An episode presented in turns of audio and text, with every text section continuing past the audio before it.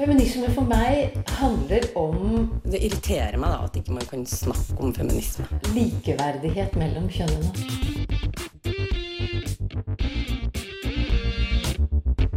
Det blikket på kvinnen på film. Det handlet om å bli tatt på alvor som jente. Du hører på Et eget rom på Radio Nova. Trakassering, spredning av seksualiserte bilder, trusler og overvåking. Digital vold kan ha mange former og være like inngripende alvorlig som annen vold. Men hva skjer når den som utøver den digitale volden, er en du egentlig er glad i?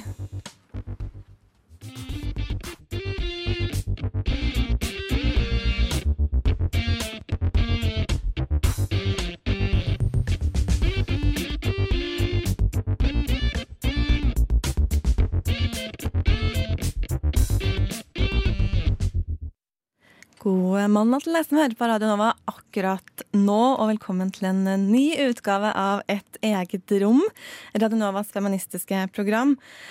Og den første sendingen vår, beklager, i 2020. Og vi bare kaster oss ut i det med det godt heftige temaet digital vold. Stemmen som prater akkurat nå, den tilhører Lina Therese Røstmerg. Men du er også her, Andrea Berg. Hei. hallo. Da jeg traff deg i går. Godt nyttår. Da jeg traff deg i går, så var du litt sånn redusert og sliten. Eh, har du kommet deg igjen til den Eh, store dagen? Ja, jeg har, Vår dag? jeg har drukket altså så mye te og eh, sovet så mye i påvente av dette programmet her for å være mitt, mitt beste selv. Uh, og det er jeg i dag. Ja, men så fint. Ja. Det er godt at vi liksom har fastslått at uh, nå er vi på ballen eh, begge to. Ja.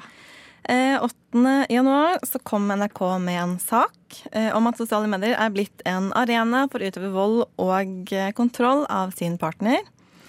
Tidligere så har andre norske medier også kommet med saker som har titler Stadig flere på krisesenter overvåkes via mobiltelefon. Og digital vold er et økende problem blant unge. Eh, så det er ikke noe nytt, eh, selv om det kanskje kunne fremstå litt sånn av NRK sin eh, artikkel. Men skal jeg være helt ærlig, så jeg tenker liksom ikke over at digital vold er en del av liksom den relasjonelle volden, på en måte. Ja. Man faller litt sånn derre en sånn felle med at jo, jo, man vet jo om eh, økonomisk kriminalitet på nett og spredning av nakenbilder og sånn, men, men det er liksom ikke Det er ikke partneren som gjør det, det er liksom andre som opplever Ja, jeg, sånne jeg, ting. jeg, jeg skjønner veldig godt hva du mener. Jeg tror kanskje at det er, sånn der, det er en idé om at liksom um, Et forhold skjer jo hjemme i stuen. Sånn at eh, hvorfor skal det være på nettet? Eller sånn, Man tenker at nettet er en offentlig sfære, og det private er hjemme. Så det gir ikke helt sånn intuitiv mening. Men det, eh, som vi jo har lært, så er det jo virkelig et sted hvor det skjer, altså. Ja. Eh, Det er nok mange som kjenner til hva digital vold er, uten at de kaller det det. Jeg tror det er mer vanlig å kalle det for nettovergrep. Eh, Men vi har valgt å kalle det digital vold fordi det er vold som utøves eh, selv om den er digital og ikke fysisk på noen måte. Eh, Og så skal vi for det meste i denne sendingen snakke om vold når den er en del av partnervold, eller den typen vold. Før vi mot slutten skal liksom utvide det litt og snakke litt mer sånn generelt om andre former for digitale vold, som hvem som helst av oss kan oppleve. Eh, og så skal vi få besøk av Carolina Øverlien, som er forsker ved Nasjonalt kunnskapssenter om vold og traumatisk stress. Her på Radnova om eh, ganske kort tid. Can I begin?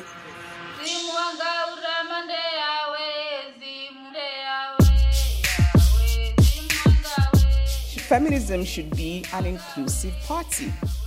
Feminism should be a party full of different feminisms. Du hører på Et eget rom på Radio Nova.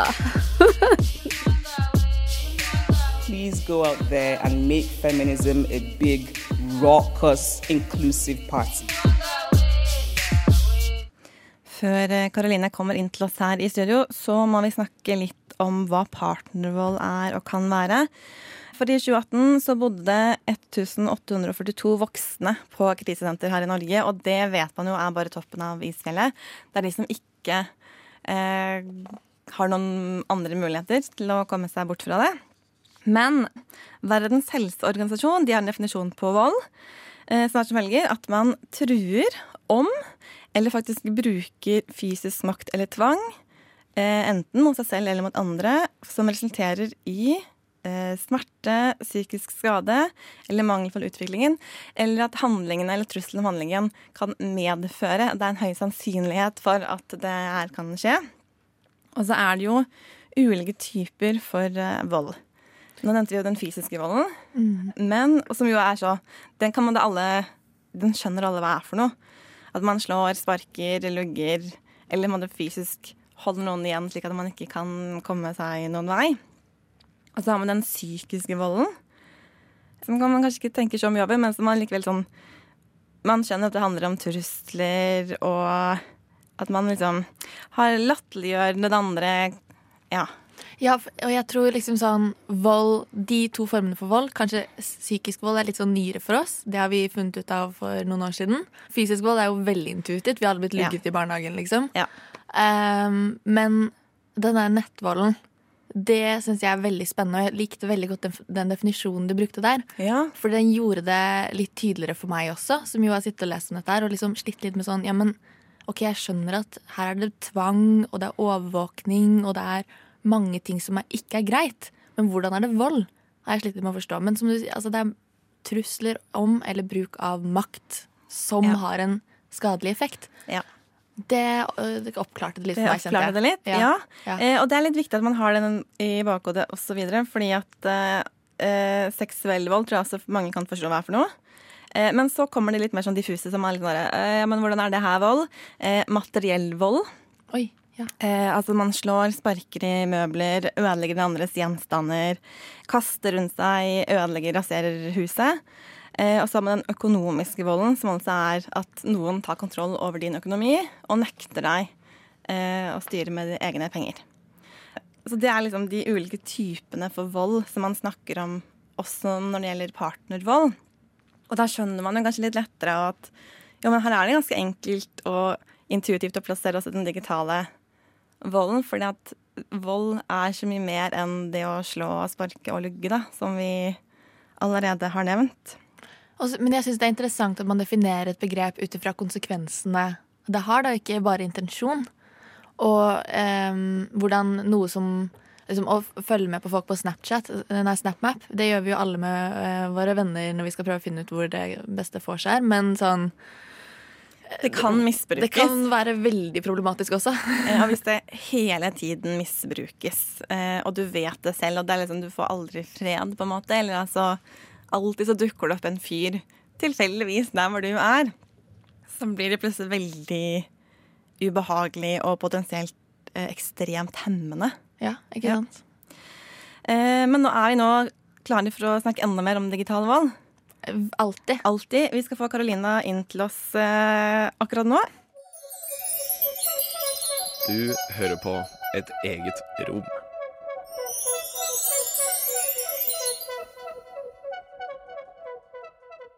Marie Løvaas med Rollebukte fikk du der. Du hører på Radio Nova og Et eget rom, hvor eh, vi nå har fått besøk av Karina Øverlien fra Nasjonalt kunnskapssenter om vold og traumatisk stress.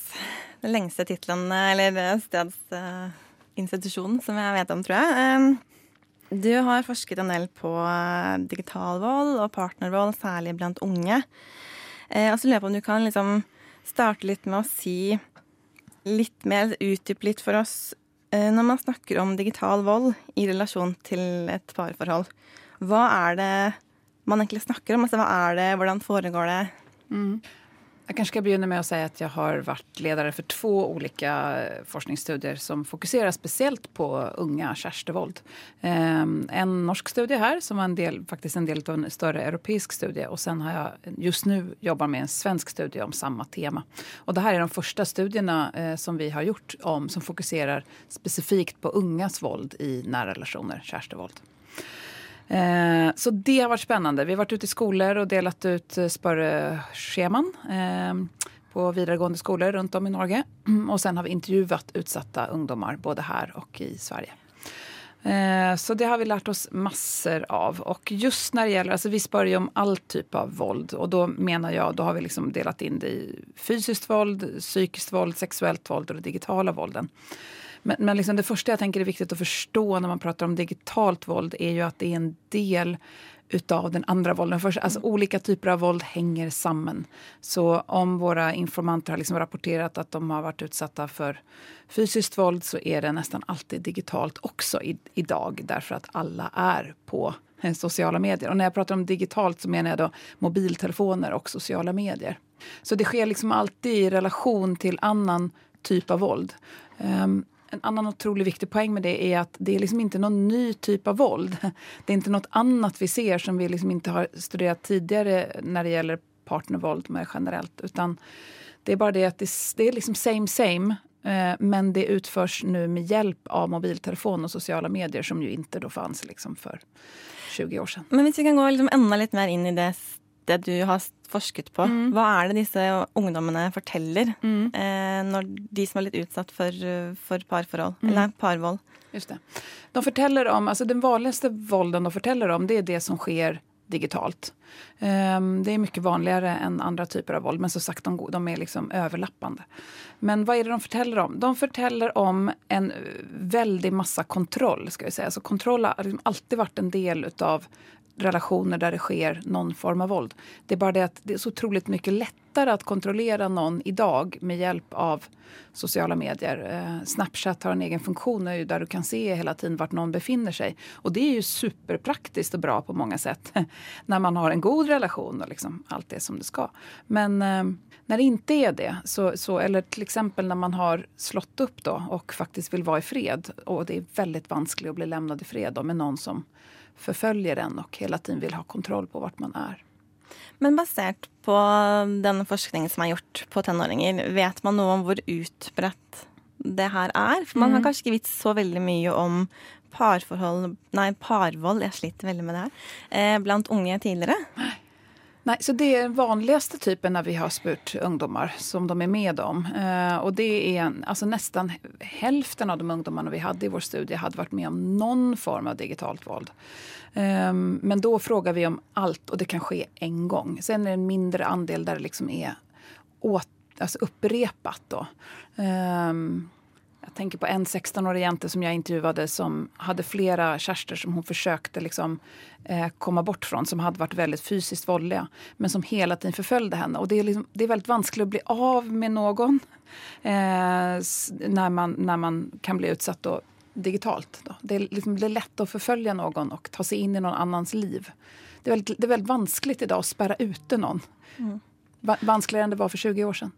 Mm. Men du har jo, du har jo understreket at dette, her, dette er ikke et nytt fenomen. Eh, men ser vi at det er noe forskjell i hvor ofte det skjer hos unge og hos voksne? Alltså just det digitala vet vi inte, det för vi har inte spurt vuxna. Alltså det här, vi lite, alltså så är det med forskning, att vi ligger lite steget efter verkligheten. Så vi har liksom inte börjat, vi har inte spurt så mycket om det här och det, vi, vi, har begynt att göra det nu i våra ungdomsstudier. Så det är liksom ungdomarna som har börjat med att fortelle oss hvordan det här går till. Och, och, och, saken är att de är otroligt, alltså så här tänker jag. Um, 16-åriga norska ungdomar vet ganska väl att ett slag ska du icke, det är icke greit. Liksom. Det är inte okej att få att bli fysiskt utsatt för våld i en kärsterelation. Men det som sker digitalt är de väldigt mycket mer osäkra på. Är det liksom en del av att vara kärste med någon, må man liksom hela tiden texta den personen. Nu går jag in i det här rummet, nu spiser jag det här, nu talar jag med den. Är det grejt? Är det en del av att vara kärste med någon? Och jag tänker att det inte är det, men detta är de väldigt osäkra på. Ja, så Det kan kanskje forklare hvorfor det er så enormt utbredt ja, blant unge. Da. Man absolutt. tenker at ja, men kjæresten min bare bryr seg om meg. Det er derfor han Exakt. Ja. exakt. Men at utøve en sånn type av kontroll, at hele tiden vilja veta vart den andre befinner seg, vem man taler med, Kanskje sier at du får ikke tala med, med gutter f.eks. exempel. Ta en bild av alle du har rundt deg. Er det en gutt ja da må du dra hjem omedelbart. Altså Sånne ting har vi hørt at jentene framfor alt forteller om, for dette er et könnet fenomen. Kan du utdype det enda litt mer? Mm. Mm. Eh, det har vi vetat lenge, vi som forsker om det her, at det er et kjent fenomen. Eh, eh, I våre spørreundersøkelser så er det absolutt flest kvinnor som sier at de har vært utsatt. Og det var det også i vår studie. Det var mest jenter som sier at de er utsatta. Og det er framfor alt når det gjelder sexuella vålden. Det er der du ser de store forskjellene. Når det gjelder digitalt og psykologisk våld så ser du ikke lika stor kjønnsforskjell. Men det sexuella og, og även det fysiske, det er der du ser forskjellen. Eh, sen vet vi også at jenter blir utsatta för våld oftere och som är mer allvarligt. Det ger allvarligere konsekvenser og de er liksom räddare de, ja, så. Så att, eh, än vad gutterna rapporterer at de er. Så vi spurte i vår spørreundersøkelse hvordan du følte det etter at det hadde skjedd. Och der ser man en stor kjønnsforskjell. At jentene rapporterer at de er redde, de er lei seg, de kjenner seg krenket og sånne ting. Medan guttene rapporterer mer, liksom, köns, altså, mer neutrala eh, ting. At det liksom ikke spilte noe, det var bare på tull og sånne ting. Sen, sen, og det taler vi forskere mye om, att uh, vi som forsker på de her temaene, at det, det kan jo også være så at gutter ikke kan, oppleve at att, att de kan rapportera om det her lika mye. Altså at det er mer tabubelagt blant, bland gutter. Så kan det vara. Uh, men jag tänker nog att vi har en reell övervikt av jenter som är med om det här. Och det, och där tänker jag också att det är viktigt att säga att det som sker digitalt är ofta väldigt könat. Alltså jäntorna blir liksom eh, får ständigt höra att de är horor, att de ser ut som slamper och de blir liksom kontrollerade på hur de får se ut, hur de får klä sig och sådana ting som har att göra med att de ska kontrolleras. Deras sexualitet ska kontrolleras och deras relation med gutter ska kontrolleras. Då. En del jenter rapporterade om att de överhuvudtaget inte har några manliga vänner på, eller följare på Instagram och sådana ting. Då. Så, att, så jentene rapporterer om väldigt mycket könat våld så att säga, som har liksom könskonnotationer och könade ord. Och, så. och det är väldigt förvirrande för de här unga jäntorna ska sägas, att de blir utsatta. Alltså de, de skjønner ikke det, hva det er, poenget er med det. Man vet jo, med tanke på at eh, på nett så er det grovere hets og grovere sjikane, fordi man er liksom Det er ikke noe sånn fysisk uh, møte. Nei. Uh, vet på noe om den digitale volden, altså når det er andre typer, da? Ja. Er den også sånn grovere? Ja, ja men det er, ja, precis. Så det er en interessant uh, spørsmål. Og det var en del av de jentene vi intervjuet som, som jo sier det, at han er utrolig tuff. Liksom, hva sier man, tastaturtøff eller noe sånt. Da plutselig kan man si alt mulig som man liksom aldri hadde sagt i om du ikke gjør det her nå, så kommer jeg å voldta deg. Sånne, sånne typer av liksom, tekstmeldinger kunne man få. Og sen når man møtte honom så han, skulle han aldri sagt noe sånt. Um, så att det, ja, absolut att, det liksom, att de upplever att, det är en, att de har en annan ton då, de här guttene på, på sociala medier. Mm. Men oppleves det reelt på samme måte? Eller for Du nevnte i stad at noen av guttene sier at ja, men det var bare tull. Mm. Er det er det liksom sånn, et element av at man ikke tar det like seriøst som er på nettet, eller oppleves det like reelt for de som Ja, alltså, ja, det er interessant å tenke på. Men altså, jag min eh, upplevelse är att de upplever det som lika reellt och kanske till och med mer skummelt. Liksom, för, att man, för det är det som är tingen, att du kan, inte, alltså, du kan inte hålla koll på vart någon befinner sig. Plötsligt får man en sms som säger nu, nu kommer jag snart att ta det och så vet man inte vart den här personen är någonstans. Står han och ser på mig någonstans här? Sådana som gör att det kan bli ännu mer, eh, man kan bli ännu mer rädd. Liksom. Eh, så jag tänker att det kan vara ännu ännu värre där. Och saken är ju som ni vet med sociala medier så sprids det fort. Alltså, jenter har blivit kallade horer horor i alla tider va, tyvärr. Har fått dåligt rykte för att man blir anklagad för som har med sexualitet att göra. Så har det varit alltid. Men nu med hjälp av de här sociala medierna så sprids det så otroligt fort och så kan hennes, hela hennes rykte vara ödelagt liksom, inom, inom minuter. Og så vet man jo at selv om man kan få noe fjernet, så vet man jo Man har aldri kontroll over hvem som besitter disse utsagnene eller disse bildene, eller hva det nå måtte være. Eh, er det noe som Hva slags konsekvenser det gjør det? At man ikke kan kontrollere det? Ja, ja precis.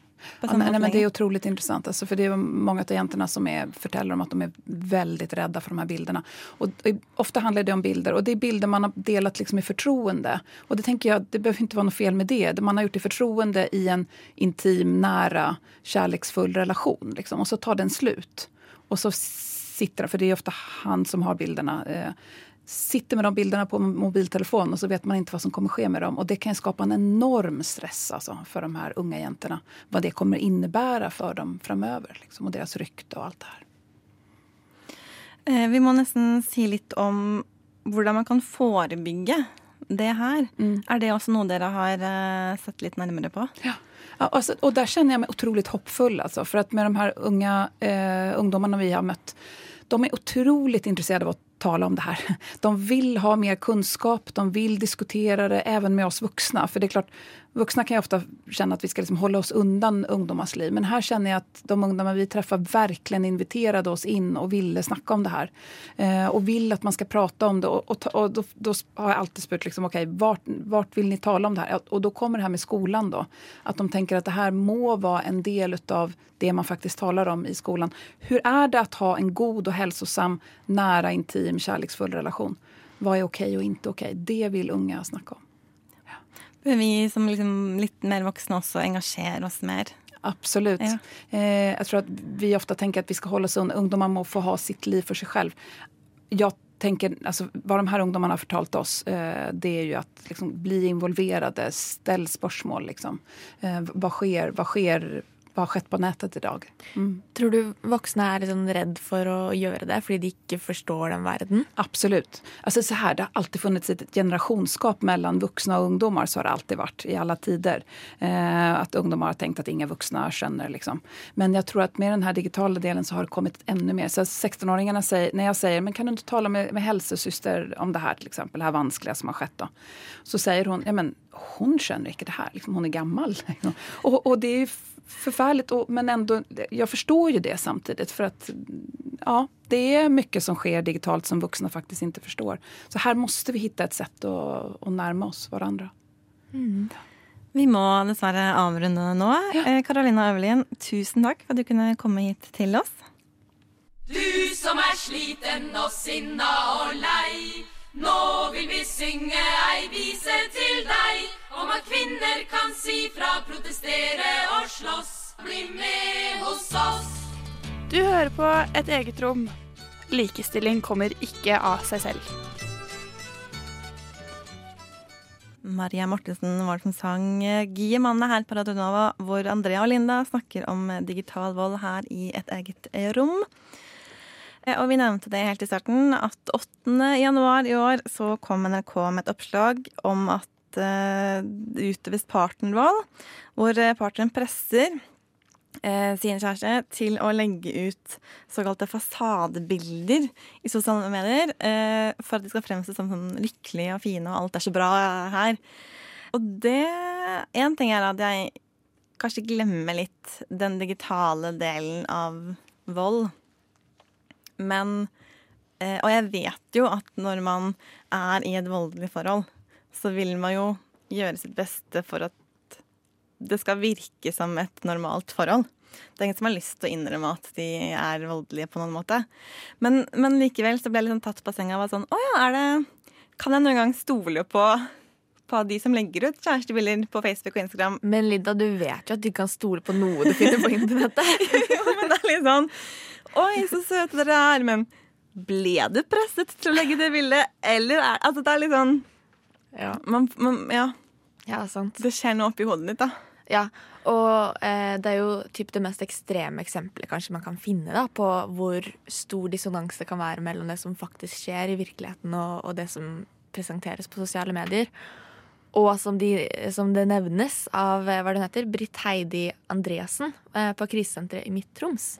Hun blir intervjuet i denne NRK-artikkelen og eh, si, forteller at et stort problem er at man blir ikke trodd når man forteller om volden til venner og familie.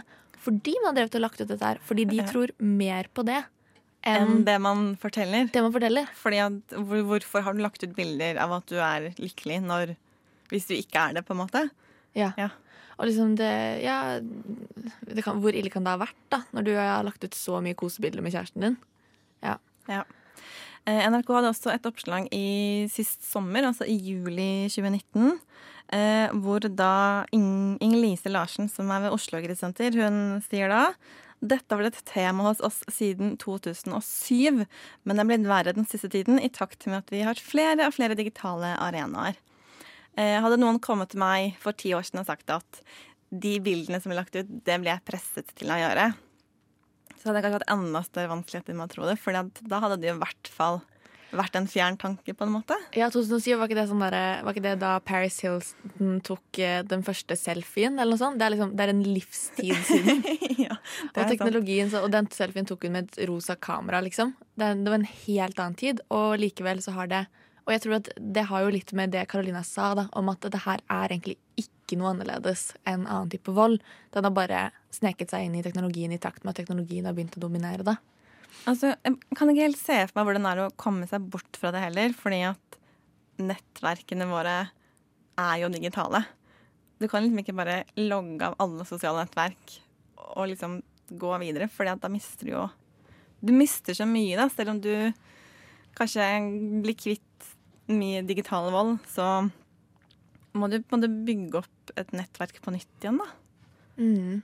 Og jeg synes En annen ting som hun Andreassen forteller i den NRK-artikkelen, er at eh, det blir du, I gamle dager, før teknologien i hvert fall, så hadde man også mange fristeder eh, som var helt naturlige. Man dro på jobb, eller man leverte barna i barnehagen, og da hadde man et pusterom. Det har man ikke nå lenger. Uansett hvor du er, alltid, alltid, alltid kan du eh, forfølges da over internettet. Og um, og også eh, sier hun at det skaper en sånn Dere øker det rommet for sjalusi også. Det er ikke bare at du kan, ha, kan, kontrolleres mer, men også at den som overvåker deg, kan bli mer sjalu fordi du også deler bilder når du er med folk. Altså det, det, bare, all, det, blir så mye mer massivt da, i en enkeltpersons liv. Per Moum Hellevik, vi skal eh, straks levere, men jeg må bare si en ting til. Han er en kollega av Karoline, som nettopp eh, var her. Og han har tidligere uttalt at eh, med digitale medier så er det også lettere for en som utøver vold, å manipulere eh, venner av voldsofre, på en måte. Så man eh, Ja, lettere enn før, da. Hvis han er superhyggelig mot deg og liksom er skikkelig bekymret, så vil kanskje du også bli bekymret, og da blir man lurt inn i den digitale volden mot den som er offer for det. Hvordan da? Nei, rett og slett at hvis noen er helt sykelig sjalu og overvåker deg på nett, så kan han gå til dine venner og liksom spille bekymret. Og så oh, ja. vil de ja, begynne liksom overvåke deg også for ham fordi at han er så bekymret for deg. Og så blir de bekymret for deg, og så blir det sånn derre men det, hadde, sånne ringvirkninger, da. Men nå hadde jeg det øyeblikket som du hadde med de bildene på Facebook. Fordi nå er jeg sånn Ja, men det skjer jo hele tiden. Ja. At jeg får en eller annen tekstmelding fra uh, kjæresten til en venninne som er sånn 'Har du sett uh, Linda? Jeg skjønner ikke hvor hun er'. Og så i 99% av tilfellene mest sannsynlig, så, så er det jo bare helt en god kjæreste. men, men så er det den ene prosenten som ja. gjør det helt bevisst for å kunne utøve kontroll over noen andre. Mm. Et annet begrep som vi er nødt til å komme litt inn på, det er eh, digital voldtekt, eller voldtekt på nett. Og det er det Anita Christensen som skal gjøre for oss. Visste du at man kan bli dømt for voldtekt over internett på samme måte som en fysisk voldtekt? Internett og mobiltjenester er først og fremst nyttig for å holde kontakt med venner, bli kjent med nye folk og for å spre underholdning, informasjon og nyheter. Facebook-feeden min er full av søte hundevalper og morsomme memes. Likevel bruker noen internett til å trakassere, true og spre privat informasjon og bilder av andre, og til å vise eller utføre overgrep. Dette kalles nettovergrep eller digital vold. Eksempler på nettvoldtekt kan være at en person presser en annen til å ha sex med seg selv på webcam, eller at noen presser noen andre personer til å utføre ting på hverandre over webcam.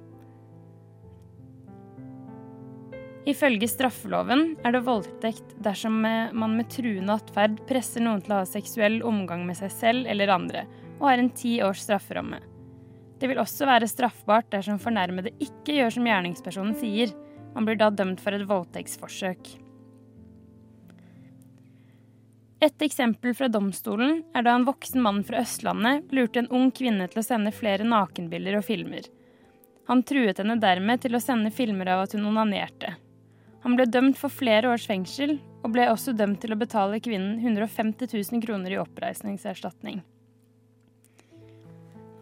En annen mann ble dømt for å ha true med å spre nakenbilder av en ung gutt dersom han ikke onanerte over webcam. Gutten gjorde ikke som han sa, men mannen ble dømt for voldtektsforsøk og måtte betale gutten 75 000 kroner i erstatning for overgrepet. Vi vet at majoriteten av voldtektssaker henlegges, og det er spesielt vanskelig å etterforske internasjonale nettvoldtektssaker. Dette viser saken fra desember om Brennpunkt-filmen 'Hallikens hus' fra Filippinene. I tillegg er det lett å gjemme seg bak et annet navn eller lure ungdommer til å tro at de snakker med noen på sin egen alder. Å etterforske nettvoldtekt krever en spesiell type kompetanse og kan være ressurskrevende. Politidirektoratets statistikk for de første fire månedene i 2017 viser at det ble anmeldt til sammen nesten 100 000 lovbrudd denne perioden. Det utgjør en nedgang på 6,4% sammenlignet med året før, og en nedgang på 17,9% i forhold til 2013.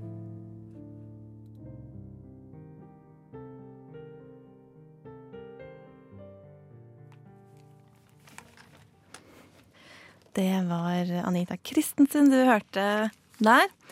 Eh, Nå har vi snakket en del om digital vold når den foregår i en eh, nær relasjon, men vi vet jo alle veldig godt at uh, mesteparten av den digitale volden, den eh, skjer jo mellom folk som ikke har den nære relasjonen. Kanskje ikke har de møtt hverandre engang, sånn fysisk ansikt til ansikt.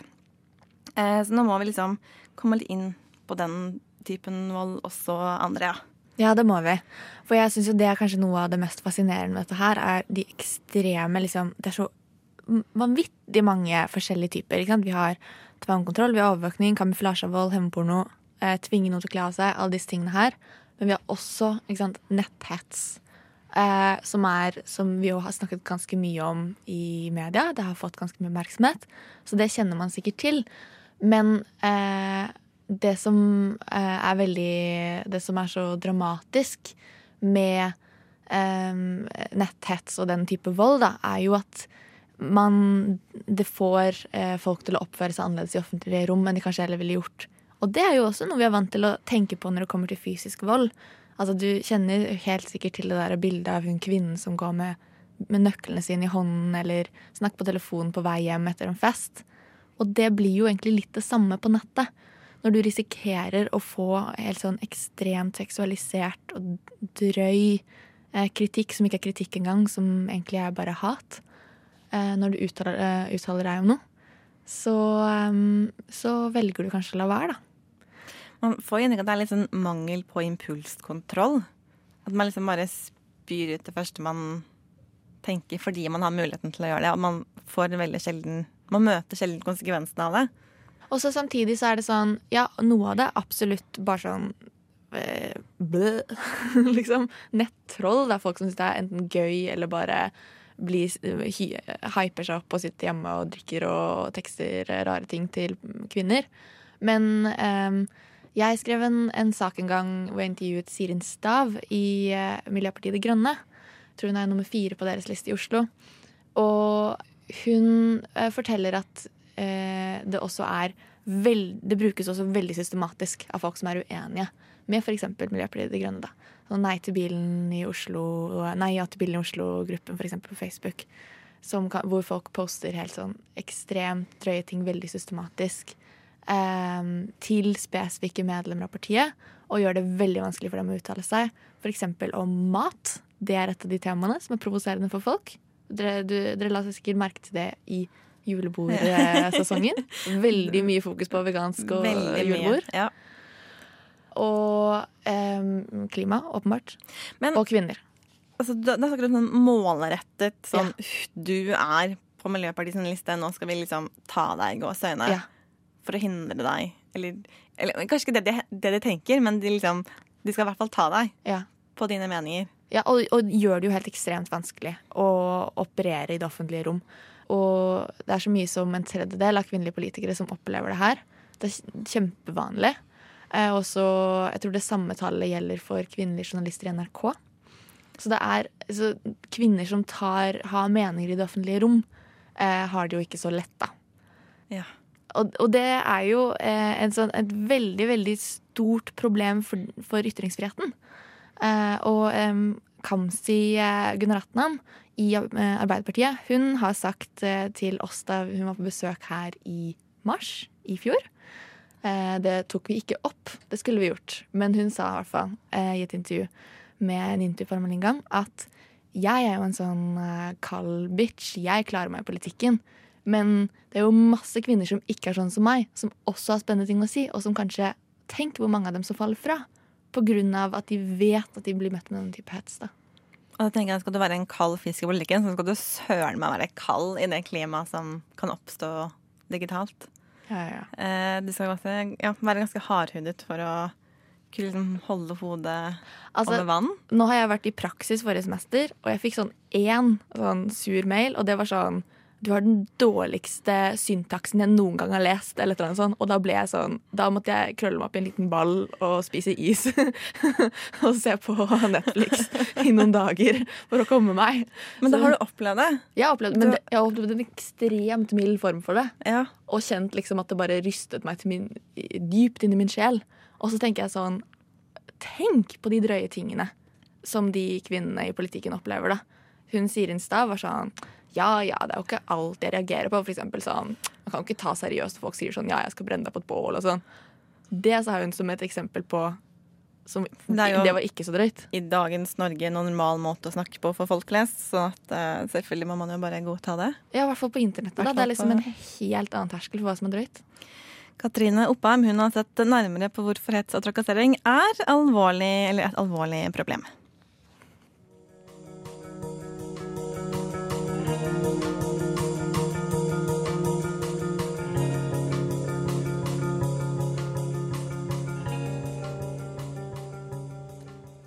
Nettvold.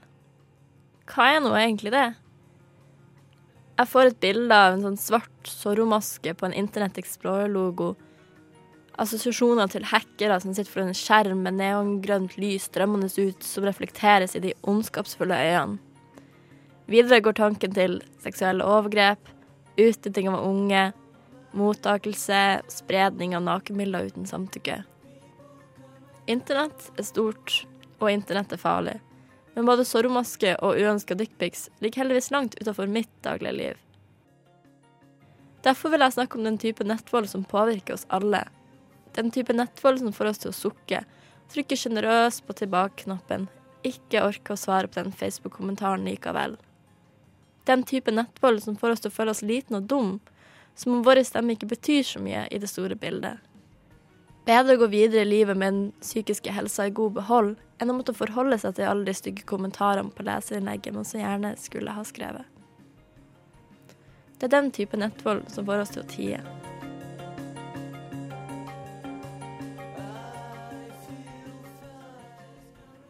Hets og sjikane på nett er både et demokratisk problem og et helseproblem som spesielt begrenser kvinner og minoriteters mulighet til å ytre seg. Det har Institutt for samfunnsforskning slått fast i prosjektet Status for ytringsfrihet i Norge fra 2013 til 2017. I tillegg viser det seg at kvinner i utgangspunktet bare fyller rundt en tredjedel av norsk offentlig debatt. Tidligere forskning har vist at kvinner er enda mer underrepresentert i papiravisen sine kronikker og debattinnlegg, med tre av fire innlegg forfattet av menn. Studiet viser at etniske og religiøse minoriteter bedriver en annen form for selvsensur. Forskerne skriver at noen vegrer seg for å delta i den offentlige debatten fordi de ikke ønsker å reduseres til en representant for sin minoritetsgruppe. Kvinner og minoriteter er også mottakere av mer ekstreme former for sjikane.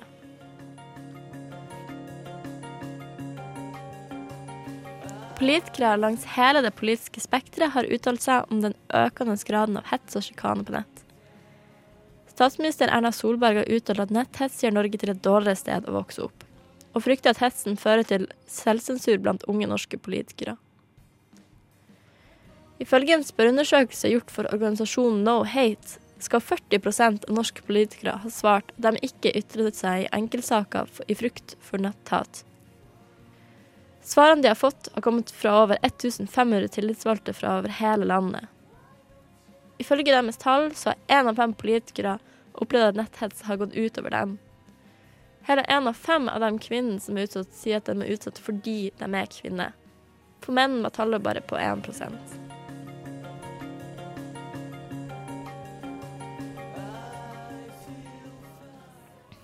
FNs bredbåndkommisjon har utdannet nettvold mot jenter og kvinner har alvorlige sosiale og økonomiske implikasjoner, Staking, trusler om drap og voldtekt har store psykiske helsemessige konsekvenser på offeret. Samfunn som oppleves som utrygge, har lavere velstand og produktivitet. Nettvold har også alvorlige konsekvenser for ytringsfriheten og andre menneskerettigheter. Og et stort problem er at de som har utøver volden, sjelden blir holdt ansvarlig. Når dette temaet tas opp i media, hører man ofte de mest ekstreme tilfellene, drapstrusler og sykemeldinger.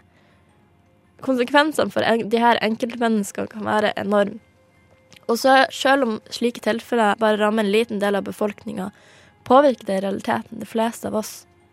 Alle oss som har noe på hjertet, men som ikke tør å ta steget ut i det offentlige rom.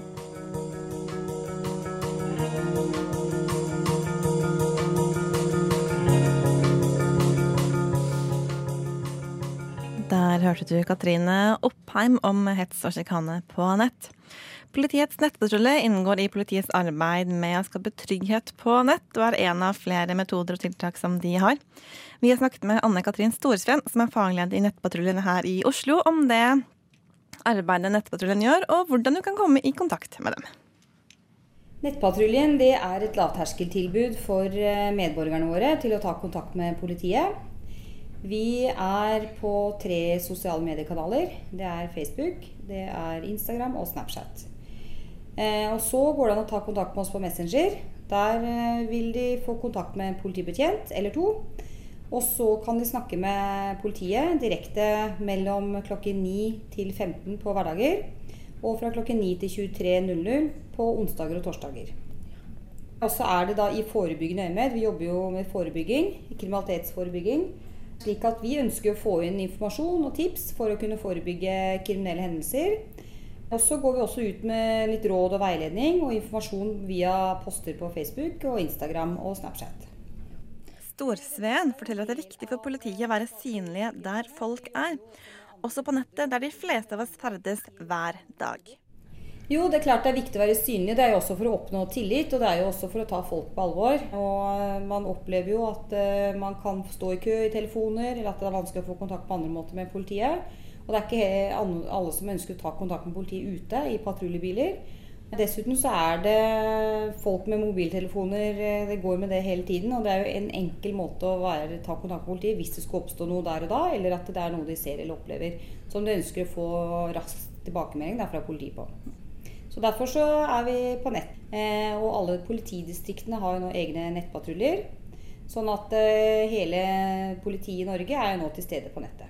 Selv om politiet ønsker å nå unge mennesker på deres egne plattformer, har politiet valgt å fokusere kun på de tre mest brukte plattformene. Årsaken er at politiet trenger nok ressurser for å ta tak i informasjonen som kommer inn, og at de som tar kontakt, skal bli sett og hørt. Men vi har uh, satt oss at vi skal ha en toveiskommunikasjon på Messenger. Så får vi se om vi utvider også åpningstidene våre til å gjelde flere kvelder og helger. Målet vårt er å ha en 24-7-åpningstid. Så er det veldig mange som opplever ulike typer digital vold og nettovergrep mm. på også disse plattformene. Kan du si noe om hvordan dere jobber med den typen problematikk litt mer spesifikt? Når vi får inn et tips f.eks. om eh, utpressing eller seksuelle krenkelser, så ønsker vi selvfølgelig mest mulig informasjon fra den fornærmede som tar kontakt. Eh, noen tar kontakt selv, andre tar kontakt via andre for å hjelpe til.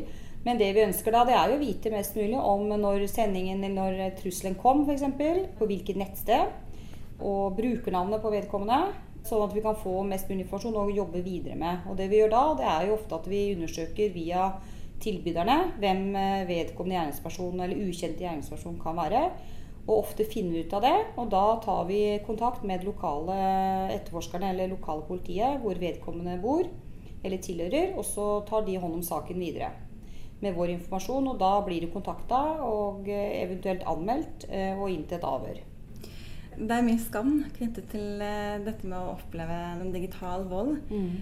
Opplever at dere har tillit? Ja, vi opplever jo at vi har tillit, og at de føler at vi er trygge voksne som de kan ta kontakt med. Men for noen så syns de at det er vanskelig og flaut å snakke om det, uansett hvilke voksne det er.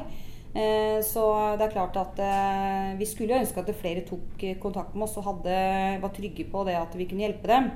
For det kan vi, men det er jo noen som syns det er flaut å snakke med voksne om det de selv har opplevd, eller noe de har gjort da, som de føler er- kan være feil, eller veit er feil. Men da er det viktig å, å si at eh, det er jo ikke barnas feil at de blir trua til ting. Eh, Man forstår jo at folk blir redde, at de unge kan bli redde, og gjør det de gjør for å få fred, f.eks. Men eh, de må aldri føle en skam eller, eller noe, noe som helst da, for at det de gjør, er feil.